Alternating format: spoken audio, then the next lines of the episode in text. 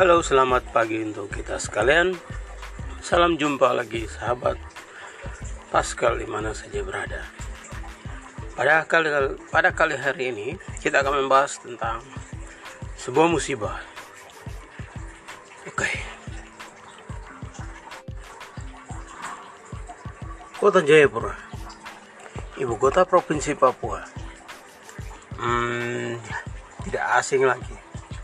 Kota Jayapura adalah rumah kita bersama. Kota Jayapura menyimpan sejuta kenangan, sejuta masalah, dan sejuta harapan. Inilah kota kita, kota Jayapura.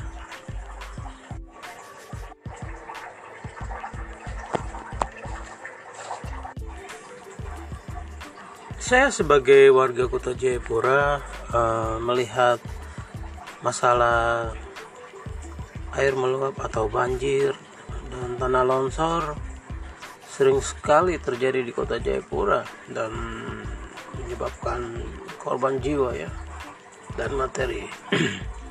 Warga kota mengalaminya itu ya. Dan titik terparah itu tidak difokuskan di satu tempat tapi hampir semua distrik mengalami uh, musibah yang cukup merasakan cukup membuat warga panik menderita ya. pada tanggal 7 Januari 2022 ya tahun baru ceritanya ini musibah kembali terjadi lagi di kota Jayapura Bayangkan jam 9 malam. Ya, kemungkinan pada jam-jam tersebut ada warga yang beristirahat, sedang beristirahat, sedang bersantai bersama keluarga atau ada warga yang beraktivitas ya. Mereka tidak memikirkan, mereka tidak membayangkan akan terjadinya musibah-musibah yang meluluh lantahkan kehidupan mereka. Harapan mereka membuat aktivitas mereka terhambat, membuat uh, usaha mereka uh, menjadi macet dan musibah itu uh, di mana uh, terjadi hampir setiap distrik ya baik itu di distrik Heram, Abepura, Muaratami, distrik Jayapura Utara, Jayapura Selatan. Dan uh, cukup parah kondisi kali ini ya. Uh, musibah pada tanggal 7 itu ya, menyebabkan korban jiwa ya. Dari berita informasi yang kami dapatkan melalui media cetak, media online itu ada sekitar eh, 8 korban jiwa ya. Itu di mana di dok 5 itu ada tiga korban jiwa tertimpa oleh tanah longsor ya terus di di Kelurahan Bayangkara itu ada dua korban jiwa terus di APO itu ada satu korban jiwa satunya kritis. Terus juga di sekitaran apa namanya kota Jayapura sendiri Paldam ya di seputaran kantor POM Angkatan Darat ini Angkatan Darat. Itu ada satu korban jiwa. Ya memang daerah-daerah uh, tersebut daerah-daerah uh, di mana uh, masyarakat membangun rumah tanpa memikirkan dampak ya. Karena hampir sebagian warga itu membangun rumah di perbukitan-perbukitan uh, yang mudah sekali terjadi longsor ya. Seperti di 25 Bayangkara Apeo itu sebenarnya daerah-daerah yang eh, harus seharusnya ya masyarakat itu jangan atau dibatasi jumlah mereka. Ya karena itu daerah-daerah yang sering sekali terjadi longsor.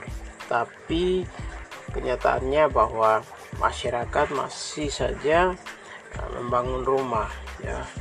Dan pemukiman-pemukiman ini bukan hanya satu dua rumah atau apa tetapi pemukiman yang berdempet-dempet ya, ya sehingga uh, saat di mana hujan itu dengan intensitas tinggi ya, tanah dari dari atas perbukitan itu tidak bisa menahan air ya, karena memang pohon-pohon di situ tidak ada semua ya, sehingga terjadinya korban jiwa ya.